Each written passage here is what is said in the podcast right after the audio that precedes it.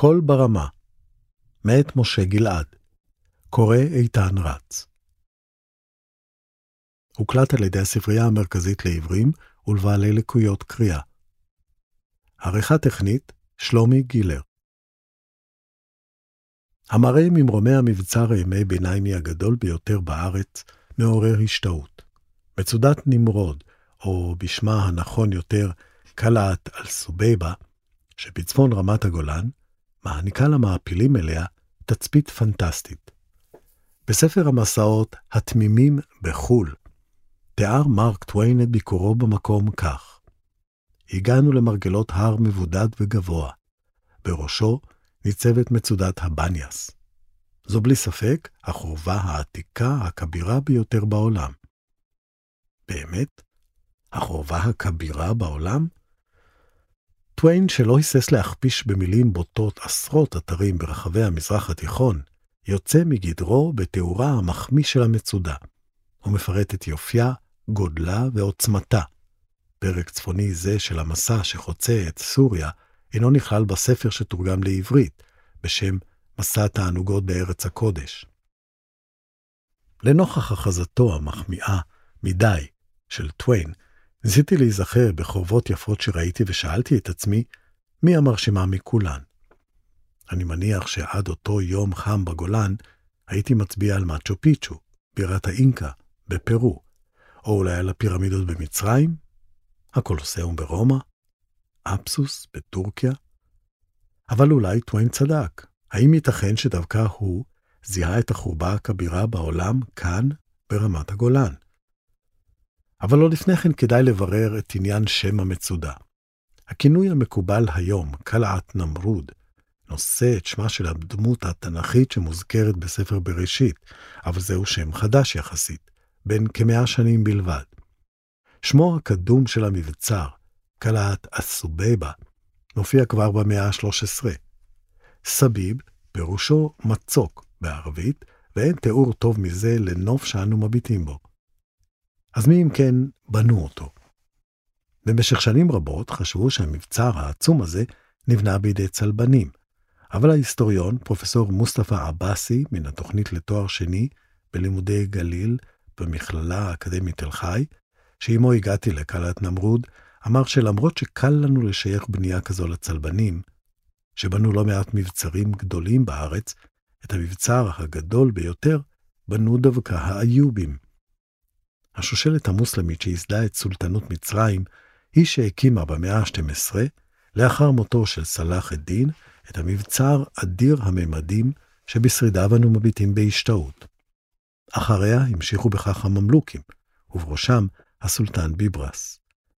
הארכיאולוגית דוקטור קייט רפאל, עמיתתו למחקר של עבאסי במכללת תל חי, מסבירה שמחקרים של פרופסור ראובן אמיתי ופרופסור רוני אלנבלום מהאוניברסיטה העברית, הוכיחו שזו אכן מצודה איובית.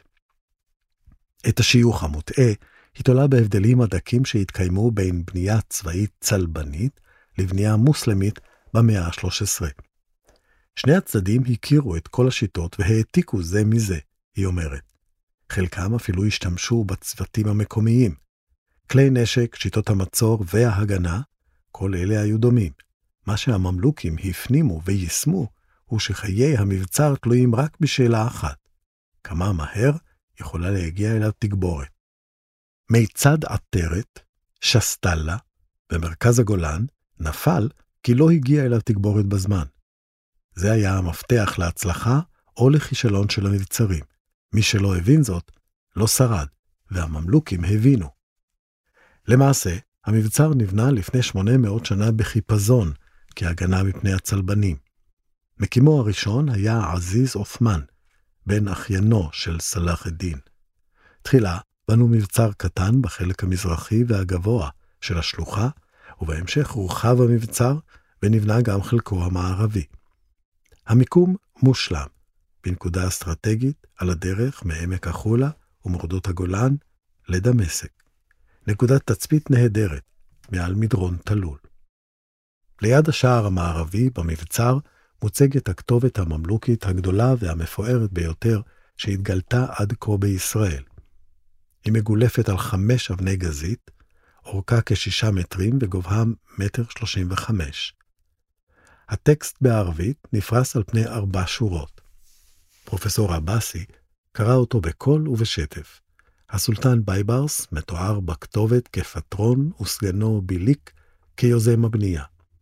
עוד מתוארים במחמאות רבות מפקדי המבצר, האדריכל, הבנאי וכותב הכתובת עצמו. התאריך הוא 1275 לספירה. לא רחוק משם התבוננו במגדל הדרום-מערבי, מגדל עצום בין ארבעה קומות שהורחבו בתקופת הממלוכים.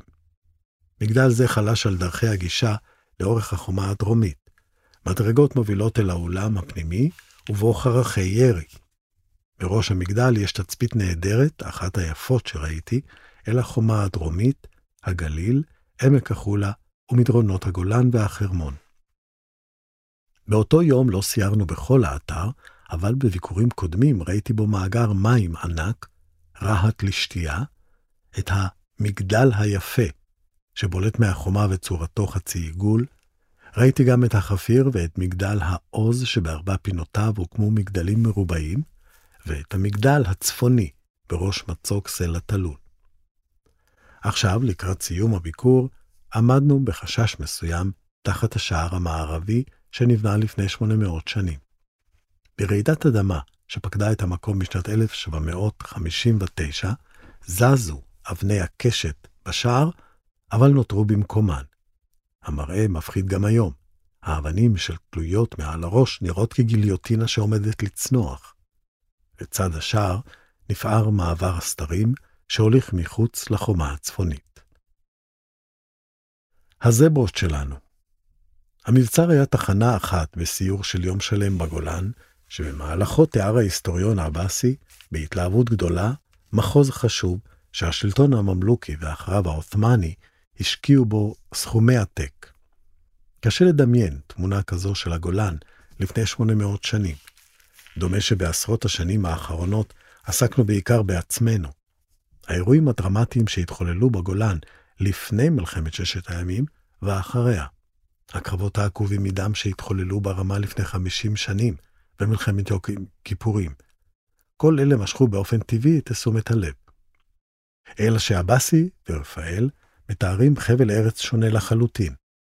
חבל ארץ שהיו בו 360 עיירות וכפרים. כזה שהיה אזור חקלאי וגידלו בו בין השאר אורז וטבק. במרומי הגולן, שבינינו היה תמיד חשוף, השתרע לדברי עבאסי יער ששוטטו בו חיות טרף. נוסעים שביקרו באזור תיארו יער אבות עם אריות, נמרים ואפילו זברות, הוא אמר. הם כתבו, הלכנו שמונה שעות בתוך יער יפה, צפוף, מסוכן, עם שודדי דרכים. עד המאה ה-17, התיאור דומה לתיאורים של אפריקה. הם הודו לאל שיצאו בשלום מהיער. לגמנו מים קרים, התבוננו בהר חשוף שמולנו, וניסינו לדמיין זברות. אי אפשר שלא לשפשף את העיניים. התקופה הממלוכית בארץ ישראל נמשכה בין השנים 1260 ל-1517.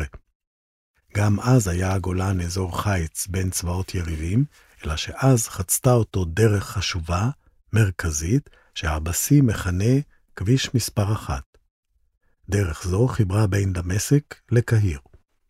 שתי ערים אלה היו ערי הבירה של האימפריה הממלוכית, קהיר הראשית ודמשק המשנית. הממלוכים, שליטים מוסלמים ממוצא שאינו ערבי, שלטו מקהיר. חשיבותה של הארץ כולה התמקדה כדרך המעבר הראשית בין שני המרכזים. במהלך הסיור תיאר פרופסור עבאסי את תקופת הפריחה האדירה של האזור, ולאחריה השקיעה הדרמטית וההתאוששות. הוא תיאר את המחקר הייחודי שהוא עורך על אזור זה עם דוקטור רפאל ודוקטור ערן מאיר. ייחודו של המחקר בכך שהוא משלב היסטוריה גיאוגרפית, חברתית ופוליטית עם חפירה ארכיאולוגית.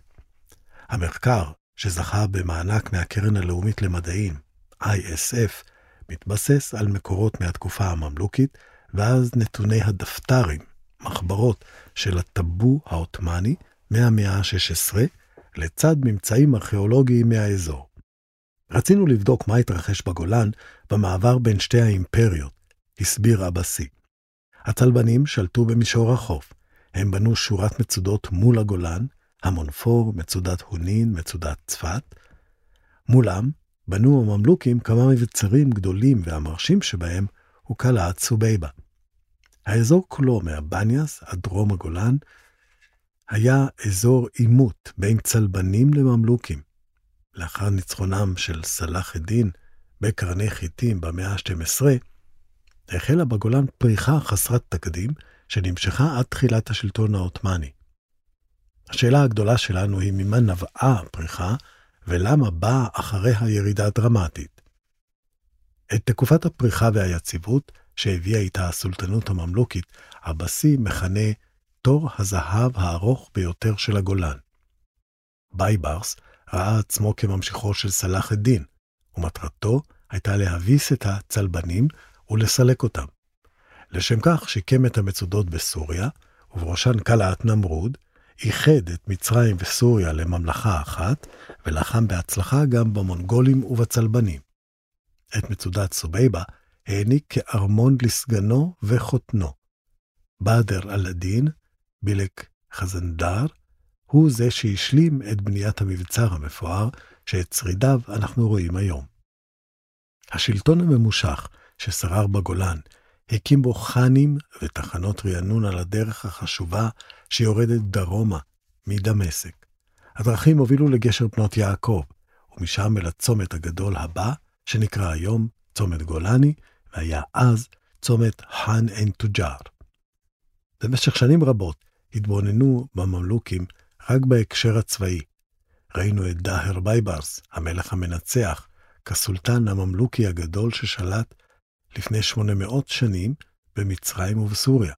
הערכנו אותו כמצביא צבאי, אבל לא ראינו בו בונה גדול שהביא לאזור יציבות ממושכת. בימי הפריחה הייתה בניאס העיר הגדולה בגולן. בית סובייבה, שלושה קילומטרים ממנה, ישב צבא והגן על הדרך, ובבניאס גרו אזרחים. 200 יישובים היו כפופים לעיר. היום הגולן נראה אחרת. הבשיא אומר אבל אז גידלו כאן דגנים, חיטה ושעורה. בצפון גידלו זיתים ובדרום גפנים. הגולן הממלוכי מזכיר את הגולן הביזנטי או הרומי, ומתחבר לאזור חורן המזרחי יותר, שהיה עבור הרומים אסם התבואה. הפריחה נבעה לדבריו מהכנסות המסחר, מהדרך הראשית, משירותי הדואר ומהחקלאות. בביקור שלנו בבניאס, היום שמורת הטבע, חנו עשרות אוטובוסים בכניסה, מעידים יותר מכל על קדושתו של האתר לנוצרים. על פי האמונה הנוצרית, כאן, בבניאס, קיבל פטרוס מישו את מפתחות מלכות השמיים, שהם סמל הוותיקן. הצליינים שירדו מהאוטובוסים נראו נסערים. הם נגעו במים שבבריכות, היזו מהם על ראשם, וטיפסו בחרדת קודש אל מערת הבניאס, ששביל מדרגות רחב מוביל אליה ממעיין הבניאס, נחל חרמון. אבל במערה הזאת התקיים לפני 2,500 שנים פולחן לאל אחר, האל היווני פן, אל הרועים והעדרים ובעל החליל הנודע, שעל שמו נקרא המקום, פניאס, בערבית בניאס. בחזית המערה רואים היטב את שרידי המקדש שבנה הורדוס לאל פן. פיליפוס, בנו של הורדוס, הקים כאן את העיר החשובה שכונתה קיסריה של פיליפוס. היו בה מקדשים, מרחצאות ותיאטראות. מאוחר יותר בנו כאן הצלבנים מצודה קטנה. מעל הריסותיה נבנתה העיר הממלוכית. היישוב הכפרי בבניאס נמשך ברציפות עד 1967. מאז לא גרו כאן. תור הזהב הממלוכי בגולן הסתיים עם תחילת השלטון העות'מאני בראשית המאה ה-16. מאז ועד אמצע המאה ה-19 היה הגולן אזור ספר, ובו מעט תושבי קבע. השולטים בפועל היו שבטים בדואיים. בצפון רמת הגולן הוקמו יישובים דרוזיים שקיימים עד היום, בהם מג'דל שמס ומסרדה. במאה ה-19 הגיעו לרמת הגולן גם צ'רקסים, שנמלטו מהקווקז, והקימו כעשרה יישובים בנפת קונטרה. בדפתר העות'מאני כתוב שבנו של סלים האמיץ, סולימן המפואר, ערך בשנת 1535 סקר מסודר של תושבי האזור, אמר הבשיא. לפי הסקר, נותרו במאה ה-16 רק כמחצית מהיישובים ששגשגו בגולן בתקופה הממלוכית. חלק מהיישובים הפכו לחוות חקלאיות עונתיות, שלא גרים בהן. כאשר בדקתי מה גרם לירידה הדרמטית, הבנתי שבתקופה זו הפך הגולן לאזור שבטי. ארבעה שבטים בדואים, שחיו בגולן עד 1967, השתלטו על האזור. ההסבר של הבשיא הוא שהבדואים לא נחתו במפתיע. השליטים נעזרו בהם עוד קודם לכן, אבל בעוד שהממלוכים ידעו לנהל היטב את מערכת היחסים עם השבטים, את השלטון הטורקי השבטים התקשו לקבל. כתוצאה מכך, נסוגה האוכלוסייה החקלאית, מספר היישובים ירד בחדות, והעיר בניאס ירדה מגדולתה. מצודת סובייבה נהפכה לבית כלא שבו נאסרו לתקופות ארוכות שליטים בעייתיים שהוגלו מקהיר או מדמשק. רפאל חולקת בשאלה זו על ההסבר של עבאסי. לדבריה, אין תשובה לשאלה מדוע חלה ירידה כה דרמטית במספר היישובים בגולן. אין לכך סימוכין ארכיאולוגיים כלשהם, ואין עדויות או ממצאים שיאשרו כי עלייתם של השבטים הבדואיים היא ההסבר. הממצאים החומריים דלים מאוד, ויש הרגשה שהממלוכים באו לפרק זמן קצר, אומרת רפאל. אין לנו הסבר לכך, ויש דברים שפשוט צריך להציג כאניגמה גדולה. כפר כדי המים מקלעת נמרוד נסענו דרומה. צפינו על קונטרה מהחניון שליד עין זיוון, ומשם המשכנו עד מושב קדמת צבי. חנינו ליד יקב גדול ופורח, שהמבנה המרכזי בו נראה עתיק ועשוי אבני בזלת שחורות. האבנים הן אמנם שריד ליישוב ביזנטי, במקום נמצאה גם כתובת ביוונית, אבל היה להן שימוש משני. זה היה בית הספר של הכפר נערן, שתושביו חיו כאן עד 1967, הסביר עבסי מול המבנה. אחר כך הם עזבו או גורשו, והכפר חרב, אבל גם היום אנחנו יכולים למצוא בו את כל המרכיבים שהביאו לשגשוג המקום במשך כמה מאות שנים. על פי תיאוריות שהציגו הארכיאולוגים משה הרטל ויגאל בן אפרים בשנות ה-90, ושהמחקר העכשווי מתבסס עליהן, היישוב נערן נוסד בתקופה הביזנטית, אבל ננטש לתקופה ארוכה, מהמאה השישית עד המאה ה-13. המחקר של עבאסי ועמיתיו מוכיח שבמאה ה-13, בתקופה הממלוכית המוקדמת, נערן בהחלט קמה לתחייה. בחפירות הארכיאולוגיות שנערכו במקום בשנה האחרונה, נמצאו ממצאים רבים מהתקופה הממלוכית ומהתקופה העות'מאנית. נערן פרחה. בתקופת השיא חיו בה אלפי תושבים. סביבה היו 160 כפרים, והיא שימשה להם כבירת המחוז, שוכנת על האוטוסטרדה, החשובה ביותר בגולן, זו שחיברה בין צפת, אז בירת הצפון, לדמשק, מקום מושבו של הסולטן. והיום היא כביש 91, שחוצה את הגולן אבל לא מגיע לדמשק. והיו לנהרן גם נתונים טבעיים נפלאים. היא שכנה צמוד למעיין, ותושביה מכרו את המים לנוסעים בדרך הקדומה. המעיין היפה הזה, שליד שרידי נהרן, שלעיתים נקרא עין סולטן, עדיין מפקה, והמים הצלולים והקרים בו השיבו את נפשנו. לא בכדי פירוש השם נערן הוא כפר כדי המים. לצד שרידי העיירה ניצב כמעט שלם מבנה החאן המקומי ששירת את השיירות. המבנה הגדול טובל היום בשדה קוצים אימתניים, אבל אי אפשר שלא להשתומם לנוכח הבנייה המסיבית. כולה יבשה ומאבנים מקומיות. כמה תקרות נותרו עדיין שלמות בחאן של נהרן, והן מעידות על בנייה ייחודית, שבה הונחו קורות אבן ארוכות מכוסות בבוץ. עבאסי הסביר שזו בנייה חורנית, טיפוסית, שפרחה באזור זה לפני 500 שנים. בגלל המחסור בעץ לקירוי הגג, פיתחו באזור שיטת בנייה של גגות העשויים קורות בזלת ארוכות ודקות בשתי וערב, הנשענות על קשתות אבן. הממלוכים יצרו באזור כולו ישות פוליטית שלא הייתה קיימת קודם לכן ולא התקיימה אחריהם, מסבירה רפאל. הם חיברו את מצרים עם סוריה. ארץ ישראל, ירדן ולבנון הפכו לחלק מן האימפריה. זה העניק חשיבות עצומה לדרך. דמשק הייתה אז כמו ניו יורק, פריז או לונדון של ימינו. ישבו בה טובי האומנים ואנשי המדע. כך הפך הגולן מאזור ספר למחוז בפאתי עיר חשובה. בסבך הצמחייה שליד המעיין סיפר עבסי גם על הממצאים שעלו מן הדפתרים, המחברות הרשמיות של השלטון העות'מאני. נוח לנו לצבוע היום את הגולן בצבעים מסוימים, אבל הדפתרים הם בדיוק כמו המגילות הגנוזות. הם מעידים על היקף ההתיישבות. זה רישום מדויק שנוצר לצורכי גביית מיסים. האוכלוסייה נעלמה, וגם היער נעלם. איך זה קרה? איך כל היופי הזה נעלם? בשלב מסוים תושבי דמשק נזקקו לכמויות אדירות של פחם לחימום בתיהם, וחרטו את היערות בגולן. זה התחיל 200 שנים לפני שבנו את מסילת הברזל, שבדרך כלל מייחסים לה את היעלמות היער. במאה ה-18 היער הצטמק, ובמאה ה-19 הוא נכחד כולו. אז והיום.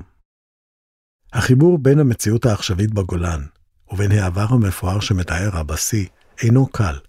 לעתים, כאשר החום מכביד, נמנה שהוא בלתי אפשרי. ערב נסיעתי לגולן, אספתי כמה נתונים בסיסיים על חבל הארץ שנמצא בשליטת ישראל ב-56 השנים האחרונות וסופח לפני 42 שנים למדינה.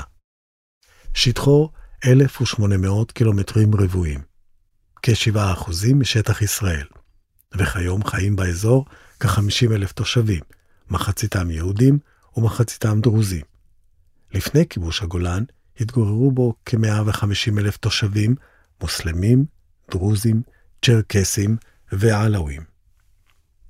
כ-70% משטחי רמת הגולן מוגדרים כיום כשטחי אש, כלומר בשליטת צה"ל, וכ-5% חשודים גם היום במיקוש. כעשירית משטח הגולן מוקדש לחקלאות. הדולמנים והמבנים המגליטיים הענקיים שפזורים בגולן מעידים על התיישבות קדומה מאוד. גילו של אתר רוג'ום, אל-הירי, למשל, מוערך בכחמשת אלפים שנים. המלך החשמונאי אלכסנדר ינאי כבש את הגולן במאה הראשונה לפני הספירה, ויישב את העיר גמלה וערים נוספות ביהודים. כיום מוכרים שרידי כ-30 בתי כנסת בגולן, רובם מהתקופה הביזנטית ותקופת התלמוד, מאות ארבע עד שביעית לספירה. רוב בתי הכנסת העתיקים בגולן חרבו ברעידת אדמה במאה השמינית. בגולן, שתיאר בפניי עבסי, זה שחווה לפני 800 שנים תור זהב מפואר, היו מאות יישובים. היום יש בתחום המועצה האזורית גולן 33 יישובים, תשעה מהם קיבוצים, 13 מושבים, חמישה מושבים שיתופיים וחמישה יישובים קהילתיים. הדרוזים בגולן חיים כיום בארבעה יישובים, מסעדה, משדל שמס, בוקעתה ועין קניה. גם סביבת גשר בנות יעקב, 12 קילומטרים ממערב לנהרן, ו-15 קילומטרים צפונית לכנרת, ליד קיבוץ גדות, היא עוגת שכבות שגורמת לארכיאולוגים ולהיסטוריונים ללקק את האצבעות. יש בסביבת הגשר שחוצה את הירדן ומשמש כשער לגולן, שרידים פרה-היסטוריים בני 780 אלף שנים. בין השאר נמצא שם חת של פיל שנטבח בידי האדם הקדמון. לפני כאלף שנים שימש המקום כזירת קרבות בין הצלבנים למוסלמים. מצודת עטרת, שסטלה, הסמוכה, היא אחת השרידים למלחמה זו. מיודענו ביברס, הממלוכי, בנה את הגשר המקורי במקום האסטרטגי כחלק מדרך הדואר שלו. בצידו המערבי נבנה חאן גדול, הגשר חצה את הירדן כ-300 מטרים מצפון לגשר הקורות שניצב שם היום, ומעט משרידיו עדיין נראים בשטח. אחר כך נלחמו שם לפי תור חייליו של נפוליאון, הטורקים והצבא הבריטי. גשר האבן הקדום, שהיו בו תחילה שלוש קשתות יפות ואחר כך ארבע, נהרס בתחילת שנות ה-30 של המאה ה-20. אלי סט, חבר קיבוץ גדות הסמוך, פרסם כמה מאמרי מחקר שבהם הוכיח כי הגשר העתיק נהרס בידי הבריטים, ואלה הקימו במקומו גשר קורות פלדה. הפלמ"ח פוצץ את גשר בנות יעקב בליל הגשרים, ההגנה שבה ופוצצה אותו ב-1948. במלחמת העצמאות נערכו סביבו קרבות קשים. עד 1967 היה הגשר באזור מפורז. במלחמת ששת הימים, במהלך כיבוש הגולן, הוקם באתר גשר מוטות, ביילי. במלחמת יום הכיפורים, כאשר הגיעו כוחות סוריים לבית המכס הסמוך, נעשו בצה"ל הכנות אחרונות לפיצוצו של גשר בנות יעקב, אבל הפיצוץ נמנע ברגע האחרון. בסופו של יום ארוך, עמדנו שם לצד הגשר החסום בקוביות בטון, שעליהן מצוירות גולגלות גדולות בגרפיטי צבעוני. הגשר הישן אינו בשימוש. מדרום לו נוסעות מכוניות בגשר החדש, על כביש 91, המחבר בין הגליל לגולן. קייקים צהובים ובהם נופשים שטו תחת הגשר במורד הירדן, והקימו רעש גדול. מבט אחד מספיק כדי להבין שהאתר החשוב הזה, שפלגי ההיסטוריה כולם מתנקזים אליו, ראוי לציון מכובד יותר. ההתעלמות המוחלטת מהעבר המפואר של הגשר, של חציית הירדן ואולי של הגולן כולו, אינה מוסיפה לנו כבוד.